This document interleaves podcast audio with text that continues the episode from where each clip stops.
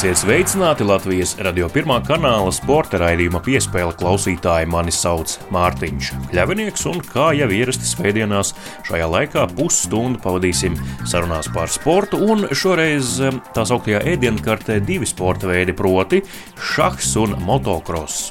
Jau nākamajā nedēļā Rīgā sāksies Startautiskās šaha federācijas turnīrs Grand Swiss, un tas notiks bez skatītāju klātbūtnes, ievērojot stingrus drošības pasākumus. Šaha spēlētāji Spēlētājiem, kas ieradīsies Rīgā, būs atļauts apmeklēt tikai turnīra norises vietu un viesnīcu dalībniekiem, un citām ar turnīru saistītajām personām regulāri tiks veikti Covid-19 testi. Turnīrs turpināsies līdz pat novembra sākumam. Paralēli tiks aizvadīti divi turnīri - atvērtais šaha turnīrs, kurā piedalīsies 114 šaha spēlētāju no kopumā 39 federācijām, un sieviešu turnīrs, kurā startēs 50 šahistes no 26 federācijām. Šajā raidījumā sarunāsimies ar ar konkrētā turnīra direktoru Egonu Lavendeli. Bet raidījuma otrajā daļā saruna ar nu jau bijušo motocrossa braucēju Matīsu Karro par to, kā viņš pieņēma lēmumu noslēgt savu profesionālo karjeru. Par to visu jau pēc pavisam īsa brīža.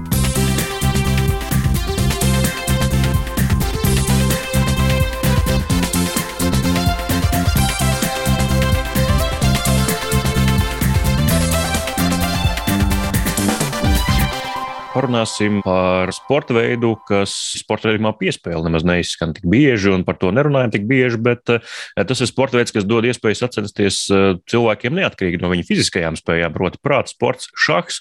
Rīgā jau nākamnedēļ sāksies Startautiskās šaha federācijas turnīrs um, Grand Swiss, un uh, saistībā ar to parunāsim ar turnīru direktoru Egonu Lavendeli. Sveiks, Egon! Labdien visiem! Kas tad tas īsti ir par turnīru un cik lielos mērogos mēs vispār runājam? Varbūt ar to, kas salīdzinoši iepriekš Latvijā ir noticis tajā pašā viesnīcā Latvija nemaz netik sen. Jā, nu šis ir savā ziņā unikāls turnīrs visā pasaulē, jo ir ierasts, ka pasaules augstākā līmeņa turnīri notiek vai nu pēc uh, riņķa sistēmas, kur katrs sacenšas ar katru un tikai ar pašu augstākā līmeņa šahistiem, vai arī pēdējos gados ir tā saucamais Grand Prix izveidots, kur ir izslēgšanas sistēma, bet joprojām tie ir tikai 16 dalībnieki.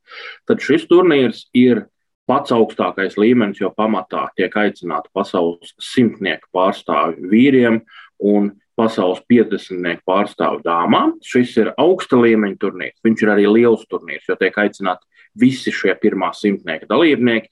Līdz ar to tas ir pilnībā pasaulē unikāls turnīrs, kur pēc Šveices sistēmas, jo katrs ar katru simts cilvēku vairs īsti nevar saprātīgā laikā izspēlēt. Un no šī turnīra arī notiek atlase uz pretendentu turnīru, kas jau ir pirmais solis uz pasaules čempionu titulu, vai ne gluži pat pirmais, pirmais ir šeit Rīgā. Jā, un tas jau ir pēdējais solis, lai nonāktu mačā par pasaules čempionu titulu. Tā kā šī ir daļa no pasaules čempionāta. Kopējais dalībnieku skaits gan nav 100, bet ir 114, jo ir pa vienam katra kontinentu pārstāvim, organizatoru valsts pārstāvi, labākais jaunietis tiek aicināts un vēl vēl daži wildcardi, kas par kādiem īpašiem nopelniem ir nopelnīti. Attiecīgi šajā te Open turnīrā mums ir 114 dalībnieki un 50 dalībnieki dāvā. Kas 11 eh, kārtu garumā kas notiks 12 dienās, sacensties Rīgā.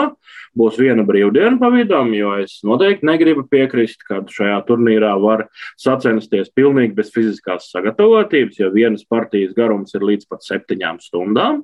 Attiecīgi šo koncentrēšanās līmeni noturēt septiņas stundas prasa arī ļoti labu fizisko sagatavotību. Tātad vienkāršos vārdos radio klausītāji ir pirmais solis uz cīņu par pasaules čempionu titulu. Tieši tik nozīmīgs ir šis turnīrs Rīgā, un um, es gan saprotu, saprotu, ka ir jau arī pāris atteikumi iebiruši. Jā, es saprotu, ASV pārstāvis Hikaru Nakamura ir pateicis, ka nebrauks tomēr uz Latviju un tā ļoti solīdi un cieņpilni komentējis šo iemeslu, ka viņš ciena to, kas šobrīd notiek Latvijā un tos iedzīvotājus, kur cīnās par citu dzīvībām un, un tie, kuri ir saskārušies ar Covid-19, tāpēc nebrauc. Jā, jā no šis, protams, šī situācija, kurā mēs visi esam, protams, nav patīkama nevienam Latvijas iedzīvotājiem, ka mēs esam nonākuši tādā situācijā, ka mums ir jāievieš tik stingri ierobežojumi. Tomēr nu, no organizatora puses mēs darām visu, lai par pirmo prioritāti noliktu gan turnīru dalībnieku, gan arī Latvijas iedzīvotāju veselību un drošību. Respektīvi, mums ir izveidots ļoti stingrs Covid protokols un turnīrs notiks burbuļu režīmā.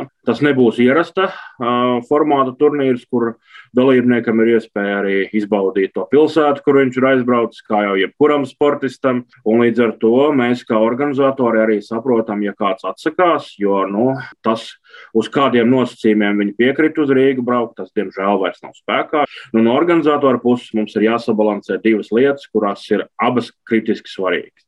Pirmais, kā jau es minēju, dalībnieku un rīdzinieku veselība. Un otrais, arī lai turnīrs noritētu patīkami un dalībnieki to varētu izbaudīt, nevis justies kā cietumā, kur nav nekādas iespējas kā atpūsties. Piemēram, no, viens māziņa lietiņa, ko mēs dalībniekiem esam izdarījuši. Mēs viesnīcas pagalmu esam pārveidojuši par uh, atpūtas zonu, kur dalībnieki mm. tiek kaut nedaudz pie svaiga gaisa. Mm -hmm. nu, tāds, it kā mēs jau paši smējamies, it kā cietuma risinājums, kur tu tikai pagalmā vari iziet. Bet, bet mūsu laikos tas ekskluzīvi gan arī izvējām. Jā, bet vismaz tik daudz mēs dalībnieku labā varam izdarīt. Mm. Un šādas mazas lietiņas mēs mēģinām šobrīd arī pēdējā brīdī risināt. Tā skaitā, ja dalībnieks nevar iet uz veikalu, kas, protams, šobrīd nav iespējams, tad kā viņam piegādāt ikdienā nepieciešamās mazās lietas. Respektīvi, nu, kā jebkurā sporta turnīrā, kas līdz šim bijis Rīgā, kaut vai pasaules čempionāts hokeja, pagājušajā pavasarī viesnīca un spēļu norises vieta. Tas ir vienīgais ceļš, kur viņi pārvietojas ar autobusu no turienes uz turieni un atpakaļ? Jā, mēs vēl risinām jautājumu, tā kā viesnīca un spēļu zāle ir tuvu. Mēs vēl skaidrojam, cik riskanti tas būtu ļaut tiem spēlētājiem, kas grib doties ar kājām, bet tas vēl ir izcināšanā.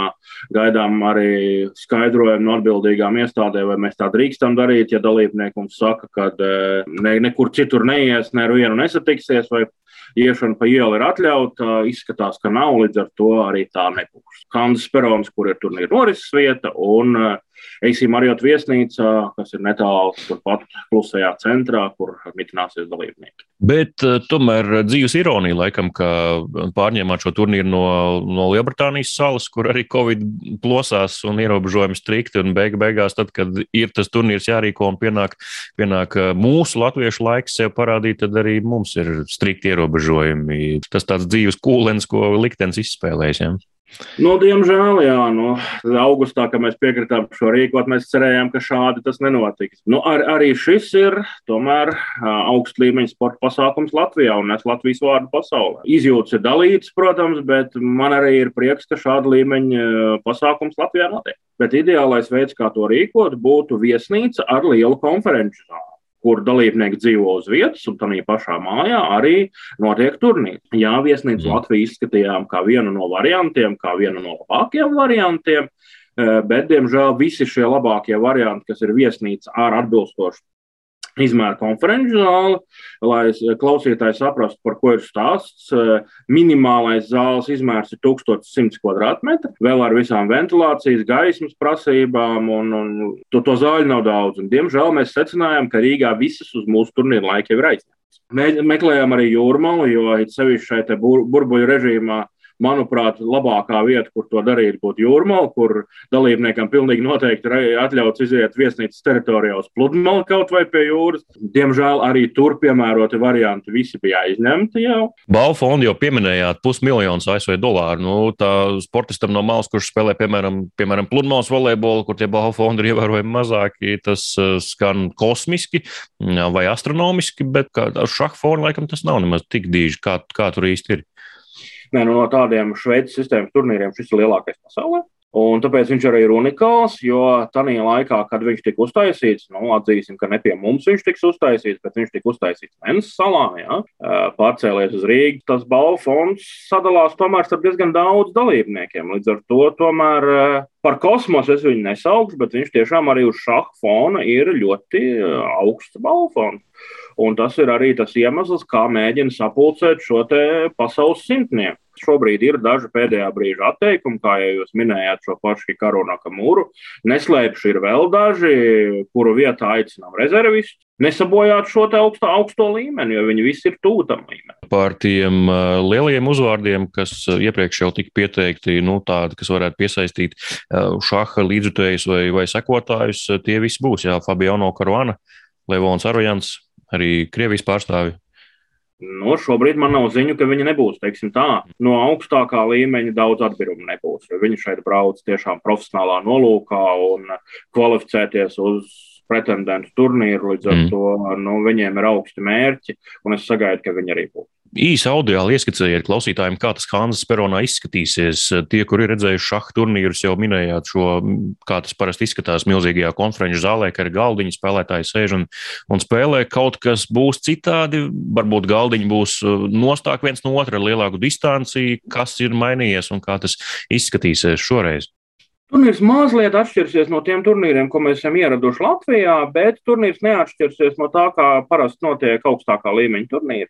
Jo augstākā līmeņa turnīros katrs galdiņš tiešām ir no, uz sava galda, atrodas ar zināmu distanci viens no otra. Šajā pandēmijas apstākļos mēs esam ļoti skrupulozi ievērojuši, lai starp visiem galdiņiem būtu vismaz 2,00 metru. Ja?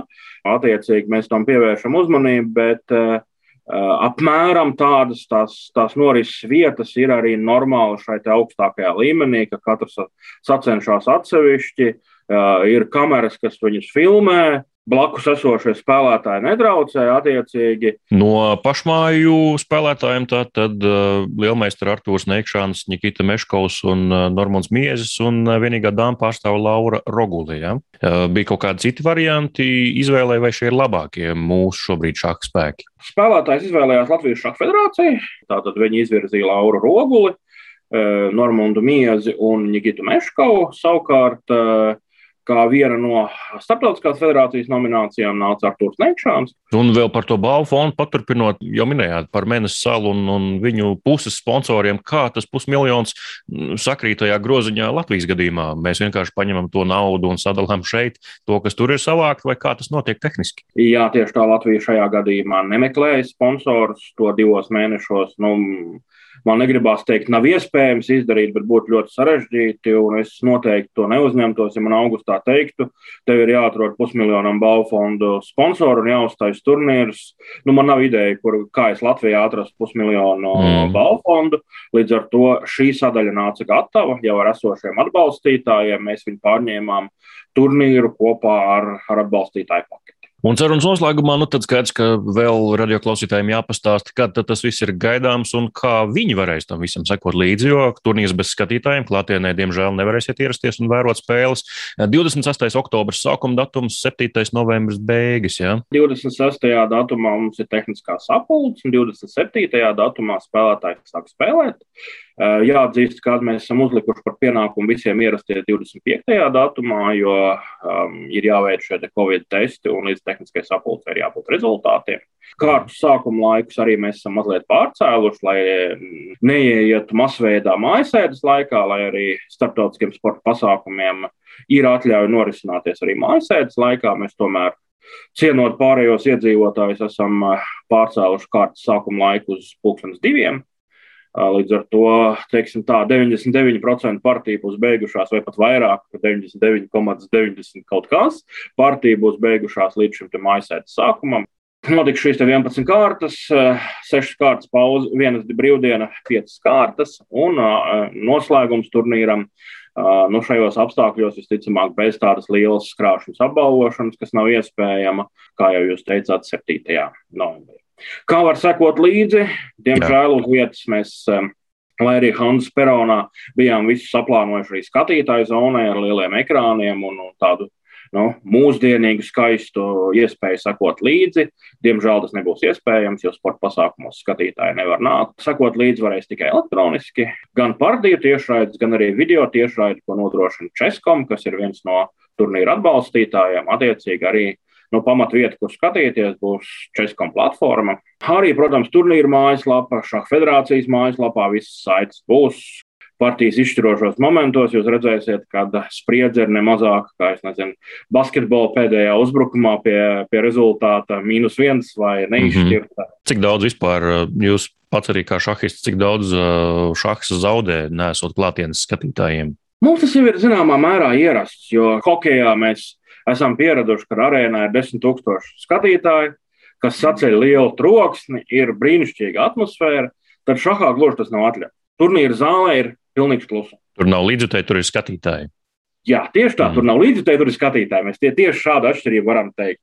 Principā turnīrs nezaudē, diemžēl zaudē nu, teiksim, tā Latvijas sabiedrība, kur, piemēram, jaunie šahisti varētu satikt savus augļus klātienē, apskatīties uz viņu partijām. Tā tad eh, jau 27. Eh, oktobrī sākums Rīgā Hanzas peronā ar pirmajām partijām. Tātad eh, FIDE, jeb Startautiskās šaha federācijas Grand Swiss turnīrs, milzīgs notikums gan Latvijas šahā, gan arī sportā kopumā šogad. Paldies! Turnīra direktors Egons Lavendels bija sarunā ar Latvijas radio sporta radījumu piespēle. Egon, lai izturība, lai izdodas visu sarīkot un norganizēt tā kā ieplānots, bez vēl kaut kādiem papildus ietekmējumiem no malas un pārsteigumiem un tad, jā, lai 7. novembrī priecājamies par uzvarētāju. Paldies! Viņš bija tāds motivators, ka es arī gribu būt tur, kur ir viņš un darīt to, ko viņš dara. Visiem spēlētājiem mēs ticam, gaidām, un, un vēl nekas nav beidzies. Vismaz viena spēle mums noteikti. Jā. Jūs klausāties Latvijas radio pirmā kanāla sporta raidījumu piespēle studijā Mārtiņš Kļavinieks. Viens no pašmāju labākajiem motokrosa braucējiem Matīs Skāro nolikā paziņoja, ka noslēdz savu profesionālo sportistu karjeru. Profesionālās karjeras laikā Matīs bijis Latvijas un Anglijas motokrosa čempions, pasaules junioru čempions 125 kubikcentimetru klasē, kā arī uzvarējis daudzās starptautiskās sacensībās. Diemžēl pēdējos gados Matīsu vajāja traumas, un tas arī liedz viņam parādīt parādīt vislabāko sniegumu sacensībās, kā arī pilnībā realizēt savu potenciālu. Alaž smaidīgs, atvērts un gatavs sarunai tāds ir Matīs Skarro arī pēc profesionālās karjeras beigām, bet ar ko viņš nodarbosies nākotnē, to turpmākajās raidījuma piespēle minūtēs viņam vaicās mans kolēģis Māris Bergs nosvinējis savu 30 gadu dzimšanas dienu, ar to arī apsveicu. Jubileja lockdowna pirmajā dienā cik ļoti sanāca vispār atzīmēt kaut ko? Nu, paldies valstī. Tieši manā dzimšanas dienā visu aizslēdza cietu. Un, teikšu godīgi, no tik apaļas jubilejas bija paredzēts, protams, tāds mazs pasākums saviem tuvākajiem draugiem. Un izsūtīja ielūgumus jau laicīgi, nācās atvainoties visiem saviem draugiem un teicu, ka ar atpakaļējošu datumu kaut kad pavasarī es uh, uztaisīšu savus jubilejas tādu ballīti mazo. Tev ir 30 gadi, bet man ir tāds sajūta, ka tu motokrosā esi veselu mūžību bijis. Jā, uh, es varu teikt, jā, īsts veterāns jau esmu, jo tiešām ļoti agri sāku. Sāku vispār motosporta gaitas trīs ap pus gadu vecumā. Pirmās sacensības jau bija četru gadu vecumā, un, un, un piecu gadu vecumā jau es izcīnīju pirmo Latvijas čempionāta titulu. Tie ir bijuši 27 gadi, nu, 26, 27 gadi motosportā ļoti, ļoti ilgi.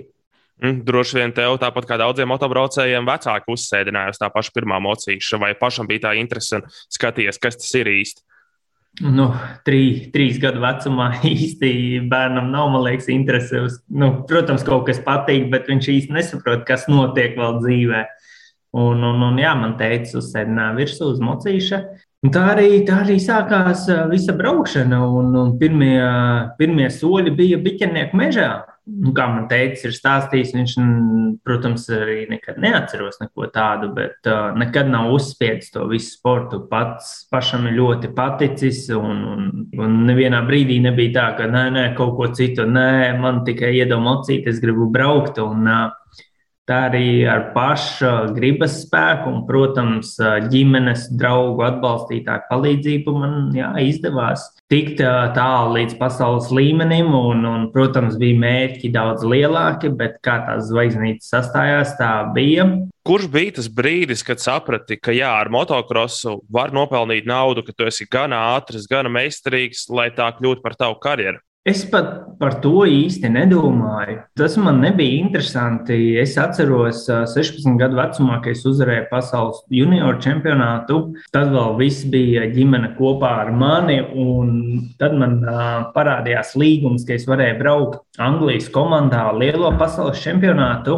Un, protams, tur nekādas samaksas man nebija. Man bija 17 gadi. Protams, jā, sacensībās ir godalgotas vietas, tu saņem kaut kādu to balvu fondu. Man bija mērķis braukt. Es gribēju braukt, un es gribēju pierādīt savu rezultātu. Naudas, nē, ko es nopelnīšu, ko es darīšu pēc tam, man nekas tas neinteresēja. es gāju, es dzīvoju šo brīdi. Es baudīju jebkuru brīdi, kā es tiku uz mocīša, un es gribēju, es gribēju būt pirmais, un man neinteresēja, kas man tur blakus pa braucējiem ir. Reku Latvijā ir viens tāds karo uh, ar foršu uzvārdu, čirkainiem matiem, un viņš, viņš būs cīnītājs. Tas, ka vienmēr gribēji uzvarēt un centies, varbūt tas kaut kādā mērā ir vainojams, ka tev bieži vien sanāca nokrist, uh, iedzīvoties šajās smagajās traumās, kas nenoliedzami ir pabojājušas tavu karjeru. Protams, ko pabojājuši. Nu, tas sports ir tāds ļoti traumatisks. Līdz kaut kādam brīdim es biju diezgan tādā veiksmes krekliņā, ka bija mazāk traumas, un pēc tam, kad sākās tas viss lielais, nu īsti netiku galā ar viņām vairs. Kad ir bijuši ļoti daudz sacensības, ka es, jā, es vēlos, es nemāku finišēt otrais. Es vienmēr centīšos. Man bija treneris Andris Bārbels, kurš vienmēr arī teica, tu atdod visus 100, 110%. Tu nevari nosačkot un, un braukt kaut kur pa beigām. Nē, es gribēju. Un, jā, ir bijušas arī pasaules čempionātā Latvijā daudz sacensības, arī, kur tiešām nu, tu redzi, nu, vēl drusku pacenties, apdzīsi, tu uzvarēsi, tu būsi priekšā, tu būsi līderis tā, reāli arī tā es noslēdzu savu karjeru, jo tagad arī bija pēdējās sacensības, kurās es piedalījos. Uz šo sezonu es vēl gribēju finišēt viņu.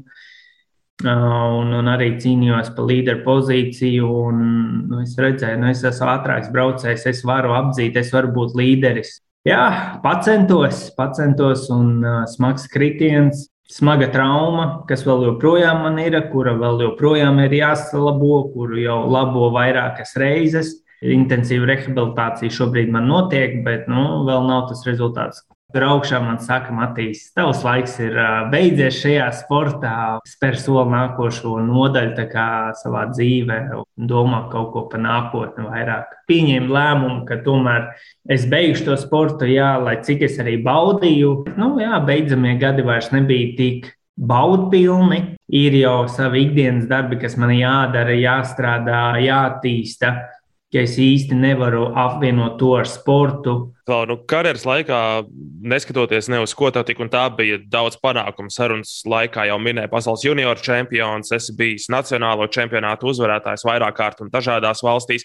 Arī Vaidavs Kauss pagājušajā gadā, manuprāt, viena no emocionālākajām tavām uzvarām. Bet kas pašam tev paliks atmiņā no šī motocross piedzīvojuma visspilgtāk, tādi labākie, spilgtākie momenti, kurus nekad neaizmirsīs? Tie rezultāti, tie jā, paliks atmiņā. Protams, pasaules junioru čempionāts, tur Latvijas čempions nesik reizes. Visgrūtāk, ilgāk gāja Anglijas čempionāta tituls, kurš bija arī vienkārši fantastiski. Un, un varu pateikt to, ka bija Nu, es tur diezgan padzīvoju tos gadus. Es biju dažādās komandās Anglijā un piedalījos Anglijas čempionātā. Mēs zinām, protams, ļoti daudz latviešu tur dzīvo. Bija kaut kādas sacensības, kur bija aptuveni ap 150 uh, latviešiem atbraukuši, sekot man līdzi. Un nepilni pāris simts cilvēki pārbļāva visus tos tūkstošus angļus, kas bija uh, skatīties. Un tās bija uh, tādas. Uh, Varbūt tās ne, ne tieši par to Anglijas čempionāta titulu ir tās emocijas, tās atmiņas, bet vairāk par to katru posmu, kad bija kāds latvietis un viņiem bija fanu krēkli, fanu karogi līdzi, Latvijas karogi līdzi. Ģimenes teica, mums jābrauc kaut kur tur. Vīri teica, nē, mums ir svēta lieta, mums jābrauc uz motocross, kur Matīs piedalīsies. Un fanu banda jau man bija uztaisījusi himnu priekš manis manis, kā jau es teicu, neaprakstāmas emocijas, atmiņas tās tagad ir. Un, um, mums tur arī bija tradīcija, vēl joprojām telefonā man ir Pēc katras sacensības uh, visi, kā fani atnāca pie manis aptelties, tur kaut ko uzdāvinu, kaut ko mēs parunājam, un beigās es saku, nekur jūs neiet prom, man vajag kobildi, lielo kobildi, nākat visi šurp, mēs visi sastājamies tur, zin, kā manī šampanietis, to es, es uzreiz palaidu pa lielo apli, lai katram malciņš tiek no uzvaras garšas. Tur kādam bērnam iedeva savu trofeju, paturēt, uztaisām kopu bildi, tur uz mocīšu, piemocīšu, visu kaut ko. Un cilvēkiem tas ļoti, ļoti patika. Un, un tie cilvēki, kas tur bija fani, kā es arī jau, jau pēdējā laikā saku, viņi vairs nav fani. Viņi ir mani draugi. Un, Man ir tiešām ar dažiem no šiem cilvēkiem, man ir pavisam ļoti tuvas attiecības. Vēl joprojām sazvanāmies, kā iet, ko dari, kas, kā, kā pa dzīvi, pat aizbraucu ciemos. Es esmu ieguvis ļoti daudz labus draugus, kas arī šobrīd, tik pa laikam, ja vajag kādu palīdzību, viņi izpalīdz, vai es viņiem varu kādu izpalīdzēt. Jau sarunas sākumā minēja, ka ir dzīvē citas lietas, kuras darīt. Tad Kas ir tā nākamā nodaļa Matīs Kāro dzīvē pēc motocross? Es esmu daudziem mēģinājis dot pavadienus, un lai uzminētu, kas tā ir par lietu. Arī dēļ motosporta es arī tiku šī lietā, un neviens cilvēks nav uzminējis. Tā ir, es tagad nodarbojos ar sieviešu kosmetiku, sejas ādas kopšanai. Šobrīd arī esmu oficiālā. Jā, tā kā arī dēļ sporta izdevās uh, iegūt kontaktus. Protams, uh, manam atbalstītam sieva nodarbojās ar to un ļoti veiksmīgi. Un tas sāka prasīt, vai Latvijā ir kaut kas tāds. Un, uh, protams, ārzemju sponsors. Un uh, es teicu, nu, paskatījos, nekas nav. Tad tur izstāstīja, kas tur kā un kas par produkciju. Vācijas uh, kompānija CNC kosmetika, tā kā sejas ādas kopšanai. Top 5 pasaulē kompānija anti-aging, tā kā pretnovecošanos, un es tā izdomāju, kāpēc nē, jo nu, motosports tā ir bijusi kaut kāda viena lieta un, un diezgan šaurs tas lauks ir apkārt tam, ko varētu darīt nākotnē. Tev ir tas 2005. gada mocīs, izmetīs kādu līkumu, bet vai kādā citā veidā paliks iesaistīts motokrosā? Protams, ka aizbraukšu kādu gonku paskatīties brīvdienā turpinās, bet uh, par to treneru lietu īsti, īsti tas nav, ko es vēlos. Un, un man ir bijuši pāris uh, vecāki, kas uh, uzrunā mani par savu dēlu trenēšanu, bet man nav īstā vēlēšanās, jo es esmu bijis pats tajā iekšā un tagad turpināt to pašu, bet ar citiem kā, bērniem, sportistiem.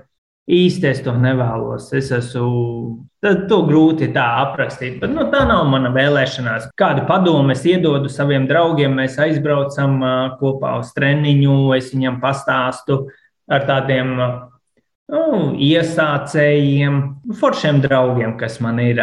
Nu, kas par stupelis pabrauc amatieros savam priekam, tur Remiks Open klasē amatieros viņš brauca, vai tu domā, nu, tagad tā mierīgākā tempā, tā mierīgi uzbraukt kādus amatieru mačus Latvijā vai veterānos? No, šeit atkal ir stāsts kā es tiku pie 2005. gada Hondiņas, ko es uztaisīju. Gada sākumā federācijā atvērās jauna klase, kur var piedalīties braucēji ar divtaktu motocikliem, kāds man tagad ir, ko es uztaisīju. Tur nav ierobežojumi, cik jauns vai vecs mocis ir retro sacensības, kur ar veciem močiem drīkst braukt. Šī klase, kur nu, var braukt tikai divu taktu motociklu, mūsdienās ir tikai četri takteri pārsvarā. Sapratu, ka es gribu arī piedalīties tajā. Tad es izdomāju, jāuzvan man ir uz federāciju, vai tur moča gadi der, vai nav man pa jaunu, vai pa vecu, vai kaut kas tāds. Federācijā man pateica, nē, tur motocikls viss kārtībā. Un tur vēl pastāsta, pastāsta un beigās saka, bet Es saku, kas par bet? Matīs, tu tur nedrīksti braukt. Es saku, kāpēc? Un, un, un saka, nu, par cik es esmu piedalījies pasaules čempionātā un esmu augsta līmeņa sportists un vēl kaut kas, un vēl kaut kas. Tu nevari dabūt amatieru licenci. Tev ir tikai profesionālā licence, tāpēc tu nedrīkst piedalīties amatieru sacensībās. Un, protams, tur bija maza piebilde, jā, tā, kad tu sasniegsi 40 gadus, tad tu varēsi saņemt amatieru licenci. Es saku, bet uh, vai 40 gados man vairs interesēs uh, piedalīties sacensībās, jo es ticu, ka uh, ap to laiku man jau būs savi bērni. Labi, Matīs, paldies tev par sarunu. Vēlēšu, lai izdodas attīstīt savus biznesus, un tā nākamā nodaļa dzīvē arī tikpat veiksmīga un dzirdam par tevi arī tāpat kā dzirdējām par tevi kā motocross braucēju. Lielas paldies! paldies. Līdz ar to arī izskan šīs nedēļas sporta raidījums piespēle. To vadīju es Mārtiņš Kļavinieks, bet man šo pārraidi veidot palīdzēja arī kolēģis Māris Bergs par labskaņu, kā vienmēr parūpējās Nora Mītspapa. Vēl tikai atgādinu, ka raidījumu piespēle varat meklēt arī jebkurā sev ērtā raidierakstu jeb podkāstu klausīšanās vietnē. Uz sadzirdēšanos jau pēc nedēļas!